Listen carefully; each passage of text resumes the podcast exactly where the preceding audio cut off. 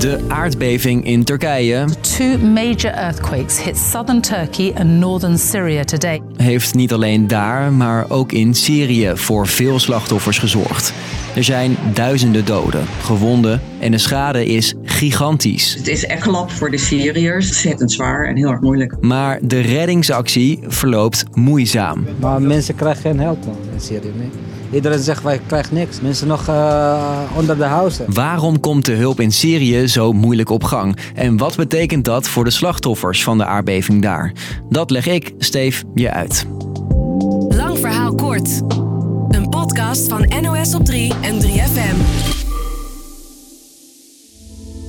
Net als in Turkije wordt ook in Syrië al dagen gezocht naar overlevenden van de aardbeving.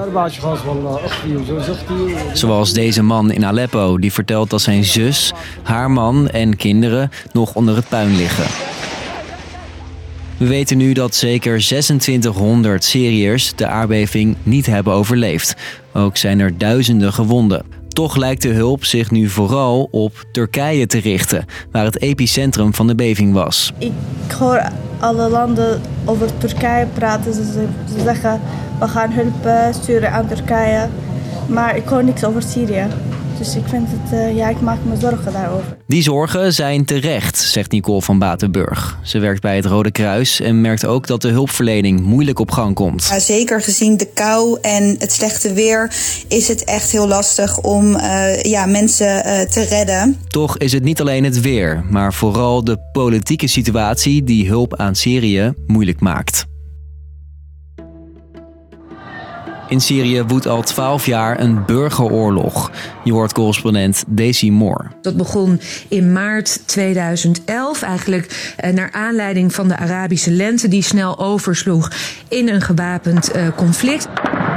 Een conflict tussen het regime van Assad en verschillende rebellengroepen. Ze strijden al jaren om de macht in het land. En wat we nu zien is dat het noorden van Syrië verdeeld is in een gebied um, dat onder controle staat van uh, de Syrische regering van Bashar al-Assad en een ander deel.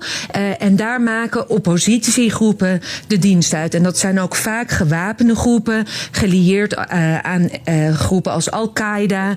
dus het zijn echt ja, twee verschillende delen waar nu die hulp naartoe moet. Maar zomaar de grens oversteken kan niet. Je kan op de kaart kijken en denken: oh, nou ja, dat is toch best wel makkelijk. Dan ga je toch van Zuid-Turkije zo naar um, Aleppo bijvoorbeeld. Maar zo werkt het in de echte wereld, in de realiteit van Syrië, juist niet. En Assad kan door de oorlog niet zomaar rekenen op steun uit andere landen. Door de oorlog hebben veel landen de banden met Syrië verbroken. Er zijn sancties, er is geen bankverkeer uh, mogelijk. En uh, dat zie je nu op dit moment, dat veel uh, westerse landen niet zomaar hulp kunnen geven aan, aan regeringsgebied. Al deze factoren bemoeilijken de hulp aan de slachtoffers van de aardbeving. Geopolitiek, oorlog. Uh, ja, dat Syriërs, gewone Syriërs die nu onder het puin liggen, daar de dupe van zijn.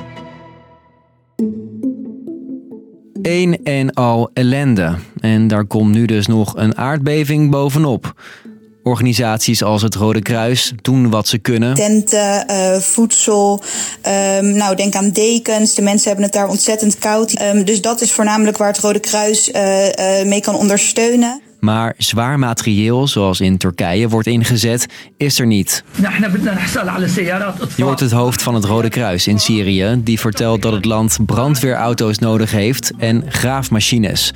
Om aan die spullen te komen diende Syrië woensdag een hulpverzoek in bij de Europese Unie.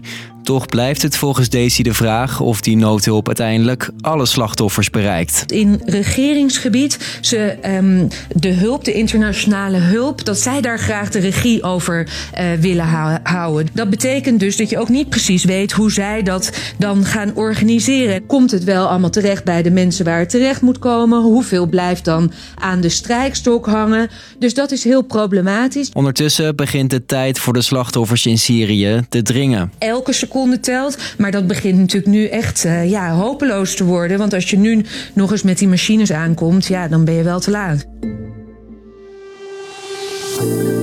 Dus, lang verhaal kort. Net als Turkije is ook het noorden van Syrië zwaar geraakt door de aardbeving. Deze ramp komt nog bovenop de oorlog die in het land woedt. Het land is verdeeld. De relaties met andere landen zijn de afgelopen jaren bekoeld en veel grensovergangen zijn gesloten, wat hulpverlening moeilijk maakt.